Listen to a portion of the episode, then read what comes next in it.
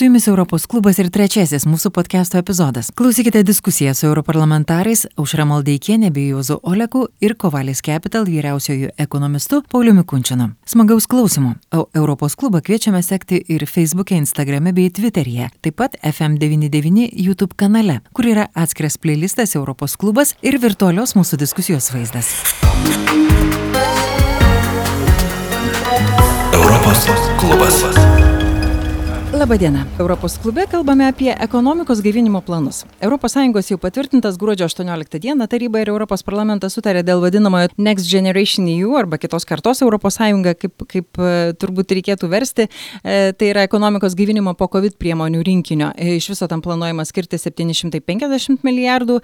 Lietuva savo į planą turi pateikti Europos komisijai iki balandžio pabaigos. Premjerė Ingrida Šimonytė jau sudarė ir patarėjimą tarybą dėl, dėl ekonomikos gaivinimo ir atsparumo didinimo priemonių plano plano.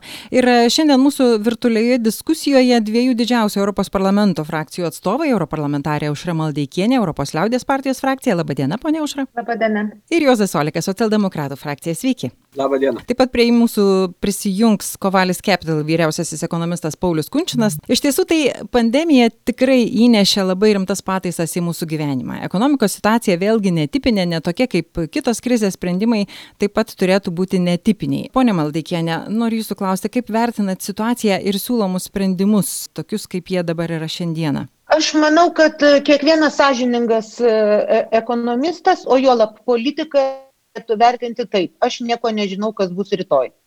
Taip, visoks kalbėjimas apie tai, kad ten padidės, nukris, susitrauks, mes galime kalbėti apie tai, kas buvo. Tu gali prognozuoti ateitį, jeigu turi daug maž stabilę situaciją.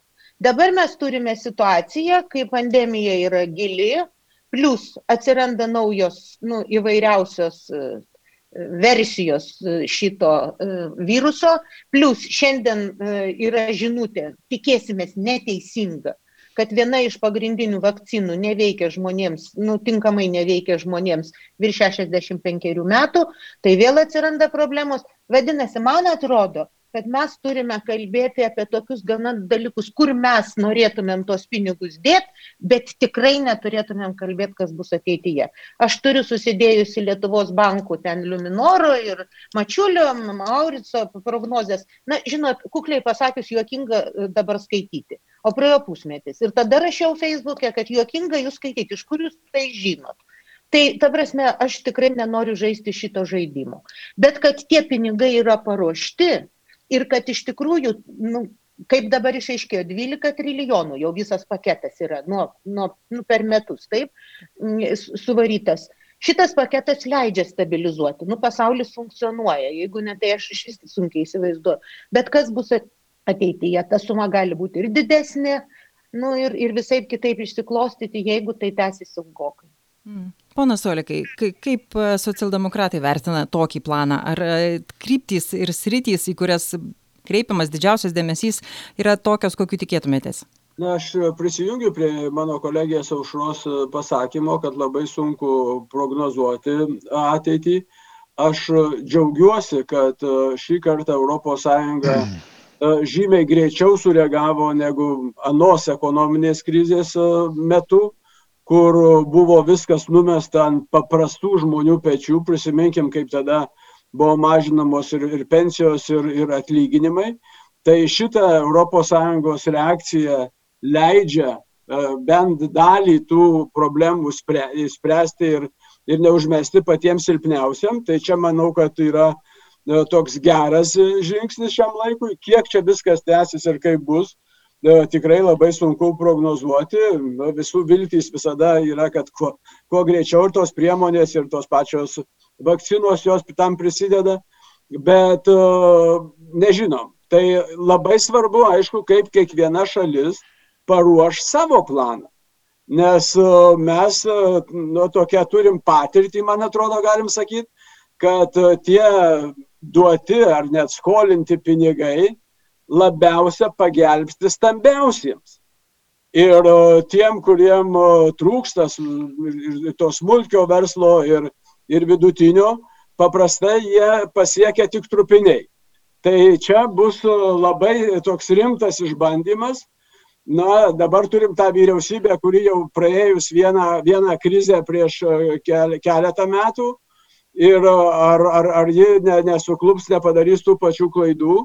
Pamatysim, mes bandysim stengtis kiek įmanoma iš Europos parlamento ir, kaip čia socialdemokratai Lietuvoje žiūrėti, kad, kad tie pinigėliai pasiektų tikrai tuos, kuriem labiausia sunku ir, ir, ir skauda, kurie, kurie šiandien yra užsidarę, mažos parduotuvėlės neturbūt ir, ir jūsų miestelį ne, ne, nefunkcionuoja ar, ar, ar, ar kitur, o, o didieji jie E, funkcionuoja, nors, nors yra net ne maisto parduotuvės, bet pasidaro kaip maisto ar, ar, ar kitaip ir, ir, ir kažką gauna. Tai čia vat yra didžiausias klausimas, yra ne e, ta parama ar gera ar bloga, nors irgi gali būti visokių disbalansų, bet kaip tie pinigai bus panaudoti konkrečioje e, šalyje. Taip, jau čia iš tiesų nuo pačių šalių planų priklauso ir kaip jos, kokias priemonės jos taiko. E, Paulius Kunčinas yra kaip tik tas žmogus, kuris prognozuoja, ko gero, jūs stebit situaciją ir vertinat, kaip e, ekonomistams atrodo. Aš irgi stengiuosi dabar labai atsargiai prognozuoti, nes, e, kaip ponia Užra pasakė, kad viskas keičiasi vos ne kiekvieną dieną. Vakar dar galvojom, kad AstraZeneca buvo gera vakcina, kurie mus visus išgelbės. Praeina diena ir staiga sužinom, kad jau, jau šitas vakcinas galbūt mus nepasieks ir, be, be, ir jinai galbūt yra neveiksminga ir tai keičia visą ekonomiką. Tas neapibrieštumas yra didžiulis faktas, bet vis dėlto aš norėčiau mąstyti taip, yra gerasis scenarius ir yra blogasis scenarius ir yra tikimybės. Aš manau, kad vis dėlto e, šiais metais vyrauja toksai atsargus optimizmas. Mes galvojam, kad antra pusė vis dėlto 21 metų turėtų e, būti atšokimas, nes praeitais metais buvo didelis e, griuvimas. Tai planas yra, kad Europos ekonomika turėtų aukti kaip minimum 4 procentais, jeigu pavyks galbūt stimuliuoti iki 6 procentų. Viena, kas, ką mes tikrai žinom, kad yra pinigų. Ir tai jau yra gera pradžia, kad centrinis bankas pasiruošęs atspausdinti didelės sumas, E, kad mūsų bankai yra stabilus, kad yra labai daug lėšų. Klausimas, kur jas panaudoti. Nes e, faktas, kad ekonomika yra stimuliuojama pinigais, bet e, ekonomikos veikla dabar yra labai neoptimali. Mes visi esame uždaryti, mes mažiau vartojame ir tai turi labai didelės pasiekmes aktyvumui ekonomikos. Kas mane džiugina, jeigu kalbant konkrečiai apie Europą, tai kad yra labai aiškus strateginiai tikslai. Pirmą kartą aš jaučiu, kad žalia, žalia, žalesis kursas transformacija nėra tik tais retorika, kad tas CO2 pėtsakas bus mažinamas, pramonėje daromas didelis spaudimas, bet e, sutikčiau, kad šiuo metu greičiausiai pasipelnys iš to stambėjai žaidėjai. Tai klausimas, ką padaryti, kad tie pinigai patektų plačiai visuomeniai. Šiuo metu aš nematau aiškaus sprendimo, nes bankai, kaip matome, nelinkia skolintis, skolinti pinigus, nes jie mato rizikas ir pavojus. Valstybės kol kas dar nėra susimobilizavusios, nes visas dėmesys skiriamas e, ekonomikos kriziai ir, atsiprašau, pandemijos kriziai pašalinti. Ir aš nemanau, nematau aiškiai aiškaus e, e, plano, kaip išleisti tuos pinigus. Ir aš manau, kad pavojus yra, kad vėl nueisime lengviausių kelių ir išleisime trinkeliam, asfaltui ir tokia pseudo žaliems projektams. Iš tiesų, tas pavojus tai tikrai egzistuoja, nes iš pandeminių pinigų e, matau aplinkui, kaip gatvės buvo asfaltuojamos, tai čia toks e, įdomus, įdomių sprendimų visokių tikrai yra ir e, vis dėlto gelbėti, va štai visi atrodo sutarė, kad gelbėti reikia, bet ką gelbėti, ar ne? Vienos rytis iš tikrųjų visiškai uždarytos, kitos atvirkščiai klesti ir auga neįtikėtinai, tokios kaip internetiniai dalykai, prekyba internetiniai ir panašus. Tai tam tikras disbalansas, kurį labai svarbu sureguliuoti ir, ir kiek į tai atsižvelgiama ir kaip tai padaryti, kad iš ties pinigai pasiektų tuos, kam labiausiai reikia. E, gerbiama Maldaikienė, kaip Jūs matot? Na, aš šiek tiek ironiškai vertinu tą labai madingą mantrą dabar kartoti, kad smulkiai pinigų negavo, vad didiesiam viskas atiteko. Na, būkim bėdni, bet teisingi, 13 tūkstančių žmonių dirba maksimui, taip? Sudedam, e, buvo puikus straipsniukas prieš porą dienų Delfi, kur dirba žmonės. Pardavėjai ir vairuotojai. Tai kai stambieji gauna, tai lieka darbo vietos. Tai mes iš tiesų turėtumėm išmokti tą, nu, ne, neieškoti tokių labai ištrauktų iš konteksto dalykų. Taip, todėl kad e, maistą nusipirkti dideliai, nu, be didelių būtų sudėtinga daugelį vietų. Man atrodo, kartais taip intuityviai žiūrint, kad gal ir tos mažos parduotuvėlės galėtų dirbti ir nieko tokio, bet e, reikia klausyti tokioje situacijoje turbūt tų žmonių, kurie išmato, išmano duomenų analizę ir, ir infek, infekcijas, infekcinės lygas. Tai aš, pavyzdžiui, manau, kad tas būdas atseit gelbėja stambiuosius, tai visi mato, kad duoda maksimum, iš tiesų tai duoda darbo vietoms ir kad mes duonos turėtumėm. Tai va tas visą laiką nueiti iki galo žiūrėti. Praeitą savaitę tiesa buvo toks e, priimtas e, Europos parlamente sprendimas, kur mano grupė tai buvo skeptiška, truputėlį, na, dėl to, kad pabandyta vieną, e, padaryti vieną labai nu, specifinį judesį. Ir aš ilgai maščiau ir nutariau eiti prieš grupės sprendimą ir palaikyti tą. Apie ką eina kalba? Eina kalba apie tai, kad uh, įteisinti kiekvieno europiečio teisę turėti būstą. Taip? Ir ten yra netgi toks punktas, kad 3 procentus atsigavimo fondo lėšų skirti būtent būstams renovuoti, daryti socialinius būstus, na ir ten jau toliau programos. Tai aš manau, pavyzdžiui, Lietuvai tikrai nepaprastai svarbus dalykas. Pas mus žmonės visą gyvenimą sunkiai dirbę, pavyzdžiui, kokios nors ses, medicinos seselės virtusios slaugėmis, gali vis dar gyventi socialiniam būste, o kai algos truputėlį pakyla, joms pen, virš 50, čia tikros istorijos ir sako, eik lauk ir neaišku, kur eiti. Ta prasme, pensijoje lieka, nu gal tik tai senelių namai, neaišku kokie. Tai ta prasme, va, tas cinizmas, jis galėtų būti naikinamas. Aš tikrai manau, kad Lietuvai reikėtų daugiau socialinio būsto. Nu, kodėl mano grubiai priešinos, irgi natūralus pripažinti, kad būstas yra žmogaus teisė, nu, yra toks, nu, kaip čia pasakius, keistokas posūkis. Bet pati logika, kad mes galime dabar esamoje situacijoje, pavyzdžiui, žalinti daugiau renovuojant su labai griežtom žalumo taisyklėm. Taip? Nu, ir sudarant sąlygas, kad, nu, iš tikrųjų, vos neprivarstinė tvarka, kaip daugelis Europos, senųjų Europos valstybių, e, nu, kaip darė ekologija, tiesiog prievarta. Niekas Briuselėje neklausė, ar uždaryti per amžius buvusius čia, nu, šimtus metų buvusius e, žydinius. Kiekvienas senas Briuselio būtas būte turi žydinį, tik tas žydinys neturi, negali būti pakurtas. Mano būte net du žydiniai. Ir abu jie yra tiesiog butaforija graži. Tai nes iš tikrųjų šildoma kitaip. Tai galbūt Lietuvoje irgi reiktų. Bet aš nemanyčiau, kad mes turėtumėm visą laiką aiškinti, kaip dabar nepaprastai kenčia smulkieji, e, nes iš tikrųjų mes neturime jokio normalaus tyrimo. Mes esame Lietuvoje sužlugdę mokslą, socialinis mokslas privestas iki beprotybės lygio, jis yra toks ponų aptarnavimo nu, žaidimėlis. Taip, nu, ta prasme, ką nori, tai ponai aptarnauja. Tai va, iš tikrųjų, net ir dalis pinigų, jeigu ten eitų, irgi būtų labai gerai. Ir tada mes iš tikrųjų žinotumėm, kas gauna pinigus. Mhm.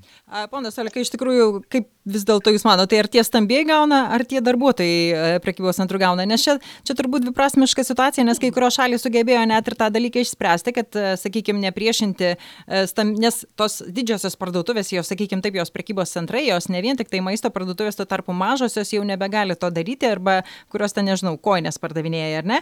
Tai iš tikrųjų teko matyti ir Berots ir Estija, ir, ir, ir kitos valstybės sugebėjo atskirti tiesiog užtverdami dalį parduotuvės ir palikdami iš tiesų tik maistą, kad tiek didieji, tiek mažieji veiktų vienodomis sąlygomis. Taip. Tai e, be abejo, kad čia nėra taip visiškai absoliutu, kad gauna, gauna didysis ir, ir, ir, ir ne, ne, nenubyra mažiukam. Tai gerbima kolegė mano paminėjo tuos faktus, bet e, man atrodo, kad mes dabar net žemės ūkį čia tokį pasidarom, tyrimą dar jis nebaigtas, bet tuoj, tuoj pasirodys, iki kokio galutinio savininko ateina ES parama. Tai jeigu mes skelbtume kas pusmetį ar, ar metinės ataskaitas, kaip tie pinigai kur nuėjo, aš manau, kad tai būtų labai geras prisidėjimas ir, ir būtų, būtų matyti, kiek gavo tų pinigų e, kuri nors pardavėja ir kiek gavo tos įmonės savininkas kai baigėsi e, metų deklaracijos. Tai čia būtų e, labai sveikas, man atrodo, ir, nereikėtų galbūt net tokios diskusijos ar ginčio, kur, kur jie nuėjo, Ir aš manau, kad tai, tai visiškai įmanoma padaryti ir reikia, reikia padaryti.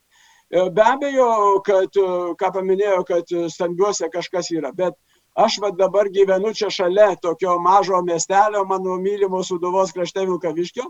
Ir kai aš nuvažiuoju į, į, į, į centrą, pamatau, kiek toj pagrindiniai gatvė, Vytauto gatvė, kiek yra uždarytų parduotuvėlių.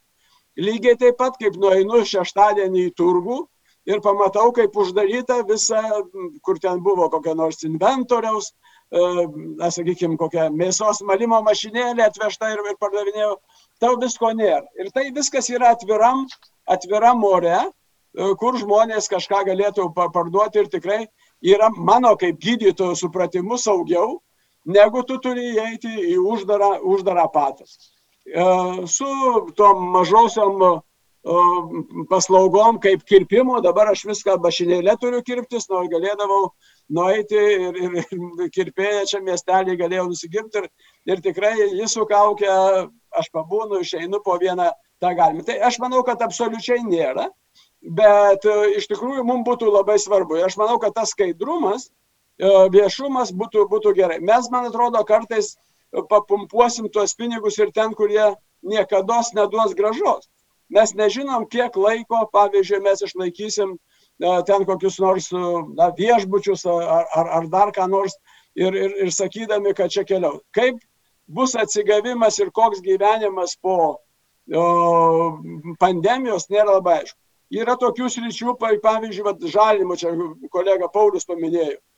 Žiūrėkit, greitosios pagalbos.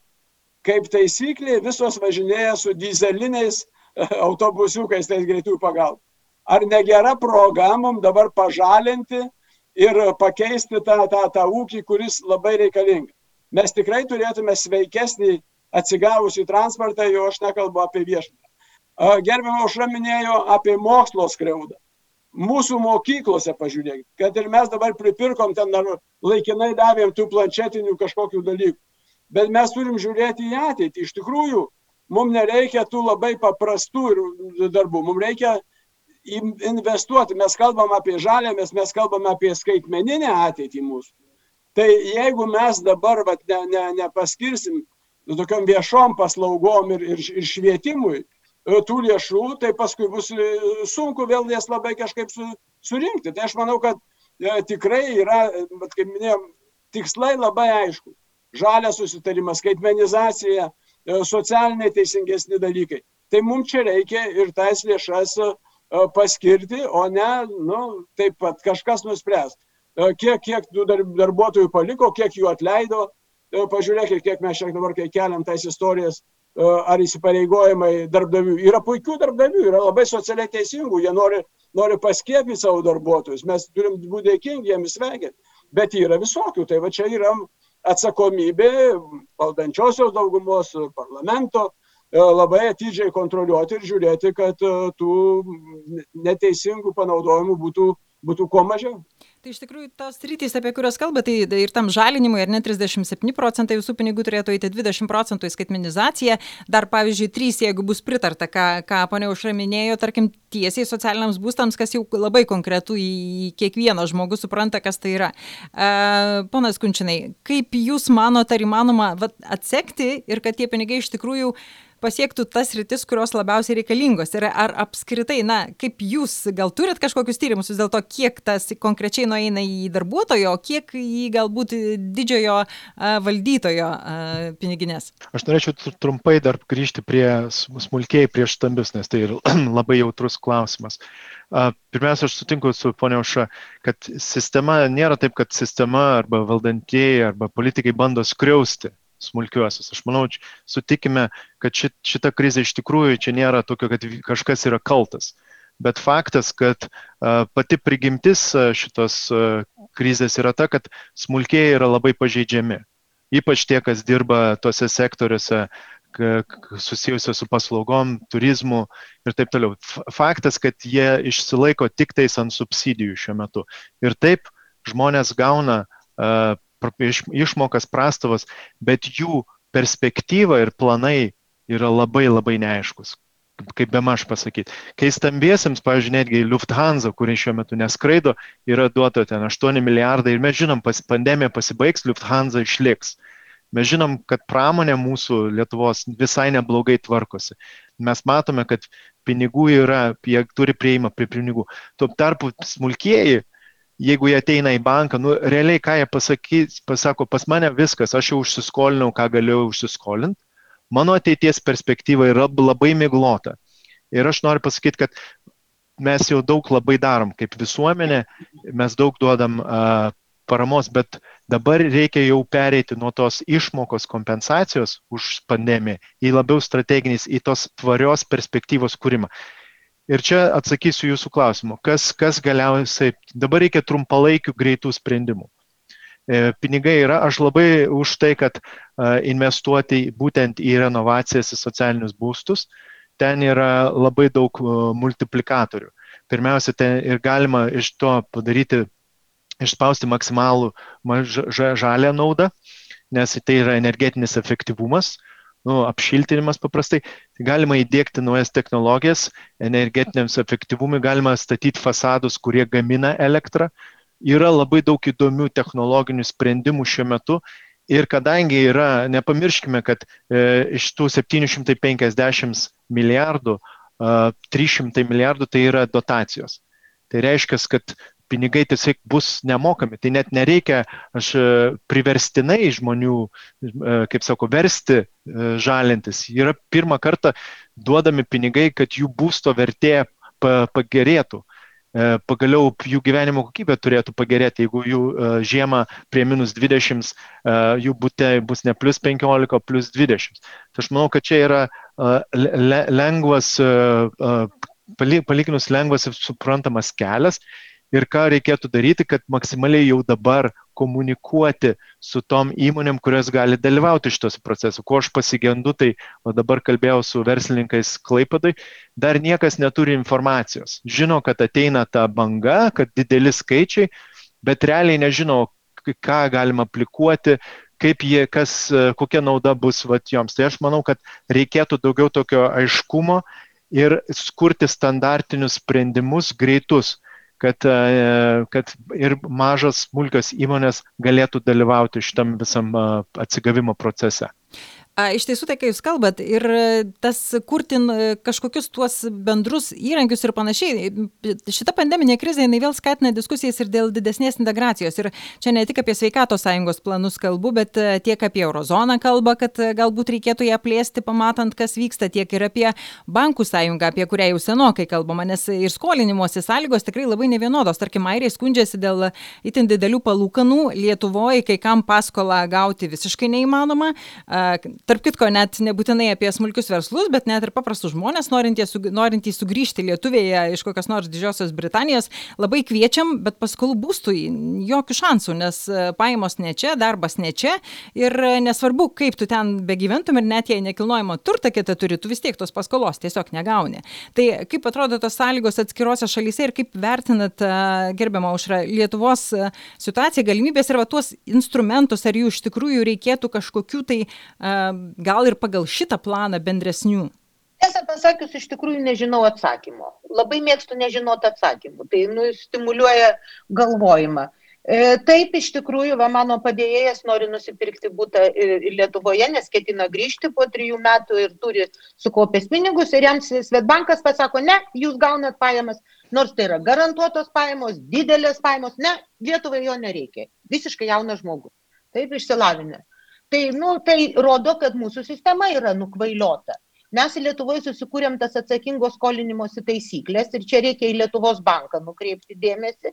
Atseit po tų 2008 metų krizės, kada daug prasiskolino, tai buvo nukvailiota į vieną pusę, kai davė visiems be jokio įmoko iš karto e, paskolą, tai dabar padarytos taisyklės, kurios yra tiesiog jokingos irgi praktiškai neįmanoma gauti. Tai tokius dalykus reikia naikinti, bet ar čia nu, taip staigiai susijęta su atsigavimo fondu, aš nežinau. Pavyzdžiui, dėl to paties būsto aš manau, kad valstybė turėtų nepaprastai daug ir labai pritariu, va ir Paulius ten tą patį išnekė, ir manau, kad ir, ir, ir, ir, ir, ir kolegai. E, Olekas, Olekas pasakys tą patį, kad nu, iš tikrųjų mums reikia sutvarkyti tą būstą, tas begalinės eilės socialinio būsto. Taip, ten iš tikrųjų gyvena galbūt kažkoks nedidelis procentas žmonių, kuriems lyg ir nepriklausytų, bet šiaip ten gyvena daugybė žmonių, kurie dirba, stengiasi, arba neįgaliukai, kuriems neišeina ten galbūt dirbti ir jie neturi normalaus būsto. Tai mes ir žalintumėm ir taip toliau. Na ir aišku, kažkokia tai skaitmenizacija. Labai, pavyzdžiui, manyčiau, geras instrumentas būtų iš tikrųjų pradėti maksimaliai e, aukštos, nu, aukštų galimybių ten kažkokias kompiuterinės įrangas dalinti vaikams, ypač iš šeimų, kurios yra e, socialiai labiau pažeidžiamos, sukuriam tam vaikui erdvę kažkaip bandyti išbristi iš skurto. Tai, bet čia yra, nu, kaip fantazijos reikalas. Aš bijau, kad tas fantazijos reikalas, e, kai jisai, ačiū Dievui, mes dabar turim vyriausybę, kuri supranta, kas yra ekonomika. Tai čia patinka, kam ar nepatinka, mes mažai tokių esam kada nors turėję. Ir būtų labai nesažininga visą laiką kartoti, kad anais metais elgėsi taip. Anais metais elgėsi taip, kaip tuo metu pasaulyje buvo galima elgtis ir nebuvo galima pinigų kitaip pasiskolinti. Man gėda už tos pačius socdemus, jau nekalbant apie Jekeliūno, klėdėsius, kaip jau ten tą Lietuvai kažką padarė blogo. Tiesiog padarė neįmanomą dalyką, tada visi gavo pensijas, kai ekonomika smuko 15 procentų. Taip, Dabar ekonomika smuko pusantro, o skola padidėjo keturis kart didesnė. Tai vad valstiečiam į save reikėtų atsisukti. Tai mes dabar turim tuos valdžioj, kurie supranta, bet kiek jų yra, kokie yra mechanizmai, kaip visas tas atrodo, tai yra iš tikrųjų labai sudėtinga. Kitas dalykas, nepamirškim stiprių lobistinių spaudimo grupių.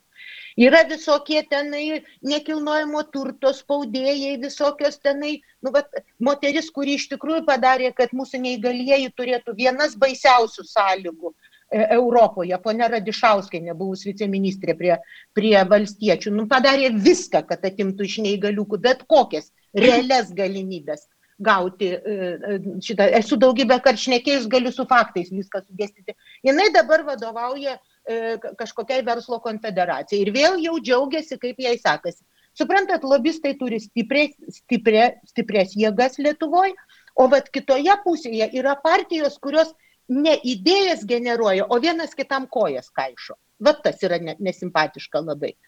Pavyzdžiui, kad ir dėl tų pačių socdemų, vat aš tikrai simpatizuoju partijai ir manau, kad partija turėtų būti, bet man vienas jokingiausių dalykų buvo, kai jie aptarinėjo savo nesėkmę rinkimuose, čia prieš pusantros savaitės, ir niekas, niekas jų tarpė nešnekėjo apie žmonės, visi šnekėjo apie savo tarpusavio santykius. Partija ne, bet jie ten, tarp kitko, va, tokį klausimą būtų iškėlę, sakyčiau, bet klausyk, kokia gera partija, kaip jie įdomiai, nu, va, bando spręsti. Ir tada rinkėjų atsirastų. Bet ne, tai va, va, mes esam tokie, kuriems, nu, kažkaip norisi išaiškinti, kodėl kitas daro blogai.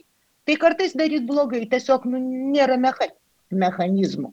Bet paprasčiausias būdas, man atrodo, dabar vis dėlto stengtis, kiek galima per viešai sektorių bandyti, bandyti mm, sukurti na, tokį lauką, kuriame socialiai įmanoma būti trauki visuomenė.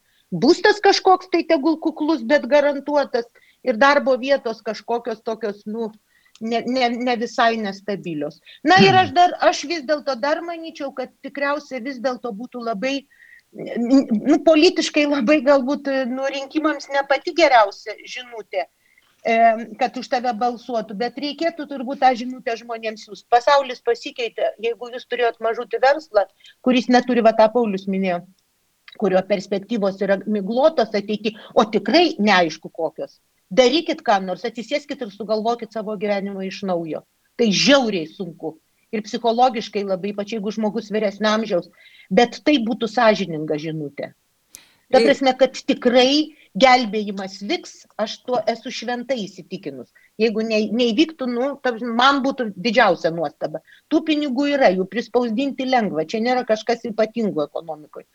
Problema yra kita, kad, kad tie žmonės juos galėtų paimti produktyviai, jie turi patys bandyti keistis. O va čia ir yra sudėtingumas.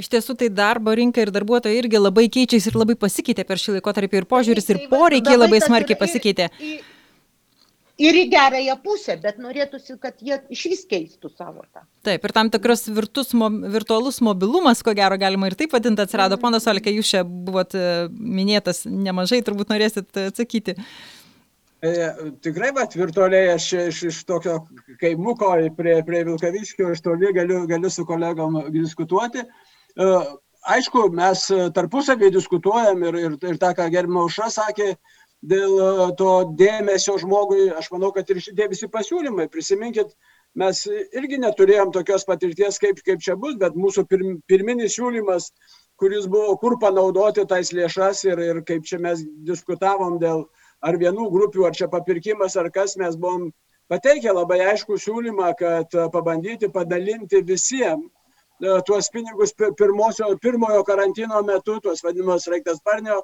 E, pinigus duodant ir, ir, ir, ir vaikam, kur jaunom šeimom reikia, ir, ir vyresniem. Ir, e, na, nuolat, man atrodo, gal, gal net ir per daug kalbam, o turėtume gal daugiau padaryti e, ten, kur galima tą padaryti dėl, dėl to paties būsto. Pavyzdžiui, mūsų pataisos registruotos dėl nesocialinio būsto, bet dėl municipalinių būstų, kad jaunos šeimos atvykstančios specialistai, bet mes kalbam apie tą technologiją, skaitmenizaciją, E, medikai, kurie atvyksta, ar ne patys e, mokytojai, kurie atvyksta į, į mažesnės vietas, kad jie iš tikrųjų atvažiuotų, gautų, gautų tą būstą, įsikurtų ir paskui žiūrėtų, ar jie gyvens visą laiką tokiam municipaliniam būste, ar jie kažką kursiu, kursiu savo. Bet dabar yra ta mūsų toks su šalutiniu poveikiu Europos sankcijos Baltarusijos sanatorijai, kur, kur žmonės gyvena tos sanatorijos kažkokiam na, bendrabutį, kaip ten pavadinti, bet, bet jie gyvena. Ir dabar, kada pritaikytos sankcijos, sanatorija nemoka ne, už komunalinės paslaugas negali mokėti, tiem žmonėms grėsia išėjimas. Tai jeigu tai būtų normalus municipalinis būstas, jie, jie normaliai galėtų, e, galėtų gyventi. Tai aš manau, kad e, čia mes tikrai turim tą žiūrėti. Aš ne visai sutinku su gerbima Ušra, kad 2009 e, metais nebuvo galima pasiskolinti iš tarptautinio valiuto fondo, kad reikėjo tom komerciniam palūkonom labai aukštom skolom, bet jau čia buvo, kas aiškinosi, aiškinosi. Nu, bu, buvo, bu, buvo, ga, buvo galima, tiesiog reikėjo pensijas apmokestinti. Tai tada sąžininkai ir pasakykite. Ne, ne, kad buvo reikalavimas, atsiprašau, nemeluokite, ponas Olė, kai aš turiu dokumentą. Reikalavimas buvo tarptautinis valiutos fondas. Bet mes apkarpėm. Meluoti. Įmesti dokumentą. Šitą diskusiją, man rodos, jinai. Dokumentą Niekur mūsų nenuves. Daugiau įsiterpsiu. Latvijai. Taip, panas Kunčinai. Man labai patiko, aš, aš trump, trumpai įsiterpsiu, man labai patiko, ką pasakė gerbiamo Ša, kad gal šį kartą neieškokime kaltų, žiūrėkime į, į priekį. Kadangi šita krizė gili, vieną ką geriausio aš išvelgiu Lietuvoje ir pasaulyje, kad visi sutinkam, kad po pandemijos norime gyventi kitaip. O ne? Ir tas, tame yra labai daug nuoširdumo ir tokio tikrumo, kurio, žinau, lengva pasakyti, ai, būkime žali, apsimeskime žali, bet vyksta virsmas, mes negalime paneigti. Ir čia yra atsiranda didžiulė strateginė galimybė.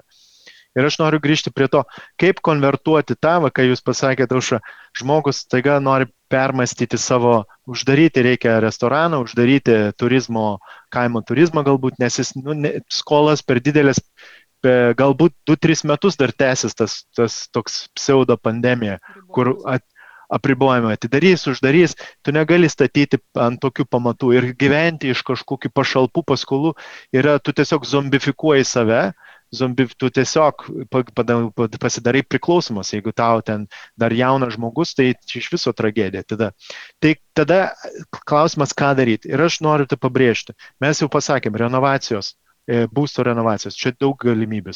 Tie, kas užsiema statybom, smart house ties e, sprendimai. Bet dar ko mes nepalėtėm. Lietuva toliau, aš vakar buvau Green Tech forume ir man vėl priminė, Lietuva dar vis importuoja apie 70 procentų savo energijos. Per metus apie 300-400 milijonų eurų tiesiog perveda į Rusijos sąskaitas. Tuo pačiu mes turim visas galimybės dabar, visus skatinamasis priemonės E, gaminti saulę, vėją ir kitas energijas. Suprantu, tai nėra lengva, ten yra daug techninių klausimų ir taip toliau, ir ekonomika. Bet, pavyzdžiui, čia akivaizdi yra uh, nauja niša. Ir čia, aš manau, yra nuoširdus šitą politikų ir visos sistemos noras, kad į tą procesą įsitrauktų ne tik stambėjai, bet smulkėjai skaitmenizacijos būdu, pavyzdžiui, dabar yra nuotolinės saulės jėgainės, kur kiekvienas, būdamas ar Vilkaviškėje, ar aš Bruselėje čia, ar Kaune, ar Vilniuje, gali sekti, kiek saulės energijos pagamina tą dieną. Ir jų sąskaita mėnesio gale gali įplaukti uh, uh, pinigai. Tai tų naujų galimybių, kur per skaitmenizaciją, per tą žalinimas, per energetiką tikrai yra. Ir technologijos jos yra. Ir reikia turbūt ko trūksta yra informacijos ir yra daugiau, e, reikia pašalinti fragmentaciją. Reikia, kad tai nevyktų kažkokio tik tai vienos įmonės UABO lygyje, o kad būtų tie sprendimai siūlomi visuomės. Tie patys bankai galbūt kaip anksčiau dalindavo draudimo uh, paketą arba, va čia žiūrėkit, taupimo paketą, turėtų pradėti tiesiog siūlyti, va čia naujas, nauja galimybė, jūs galite pavyzdžiui, investuoti į šitą produktą, e, ar tai būtų su saulė, ar su atliekų perdirbimu, arba su renovacija. Aš manau, kad sistema turi pradėti pati siūlyti tos vadinamus mechanizmus, kaip jūs sakėte, Auša. Nes pats savo jėgom iš tikrųjų gali e, pasiekti tokią labai pesimistišką, sakyti, o ką aš moku, ką galiu, nuo ko pradėti. Tai čia vis dėlto turi įsijungti šiek tiek ir edukacija ir tokių standartinių sprendimų. Gerbiamas, gerbiamas Pauliau, bet čia turi būti tikrai valstybinis ir, ir vyriausybės požiūrį. Aš vad Saulės energiją pasi, elektrinę įsirengiau pas mane čia kaime ant stogo ir jau man 20 procentų pabrango pa, per, per metus pabrango elektros pasaugojimu. Tai jeigu dar tai pabrangs, tai tikrai žmonės labai suabejos, ar reikia tą padaryti valstybė turi labai aiškiai būti kelrodė, vedlys, kad jeigu mes sakom, kad mes švarinam, žalinamės ir mes paraginam žmonės tą dėktis, tai negali būti tokios taisyklės, kad po, po kelių dienų, po kelių mėnesių, čia dabar mano atveju konkrečiu, ir, ir, ir, ir tai yra nu, sisteminis dalykas. Mes turi valstybė užduoti ir aš manau, kad tam plane, kuris dabar kalbam, tai turėtų labai irgi atsispindėti. Tai aš vat ir noriu paprašyti, mūsų laikas iš tikrųjų labai eina į pabaigą ir tiesiog po vieną sakinį, kokie būtų jūsų siūlymai premjerės darbo grupiai, į ką labiausiai kreipti dėmesį ir kas ten turėtų atsirasti, ponia Aušra? Aš nežinau, aš patarinėjau, tai aš kalbu su, su, padėjėjai, su, padė, su patarėju, kuris atsakingas už šitą, mes kalbamės labai dažnai ir aš jums galiu pasakyti nemėgstu dalinti kvailų pažadų ir nesu ta politikė, kuri pasakas pasakoja. Tai aš jums galiu pasakyti, kol kas visiškai nėra aišku, ką daryti. Bet šitas ir yra svarbiausia. Jeigu tu gerai supranti, kad tu esi kryškelėje ir nežinai, ką daryti, tu turi sustoti ir galvoti o ne isteriškai lakstyti. Vat man tie 3 procentai būstams jau atrodo į tą pusę. Ir tai reiktų žiūrėti mūsų lietuvišką e, struktūrą, kaip tas pasidalins. Ir kaip rajoniniuose centruose e, kokiu nors politikų grupuotės perims visus pinigus ir viskas išbrangs. Nes čia yra, mes esam sukūrę tokį modelį, kuris yra labai neįtraukus. Mus kaltina visos tarptautinės organizacijos dėl to. Jūs turit neįtraukę ekonomiką. Pinigai eina srautai, slenka į vieną pusę. Tai vad tikslas yra perlaužti, kad srautai eitų maksimaliai visiems. Ir tai yra labai sudėtinga. Panas Olikė. Iš, iš tikrųjų nėra paprasta. Taip, panas Olikė, jūsų patarimas. Tai, tik tai pridėčiau prie to, ką Aušra sakė, kad vienas mano siūlymas maksimaliai skaidrinti, kad visi šitie pinigai, kur eina, jie būtų Labai.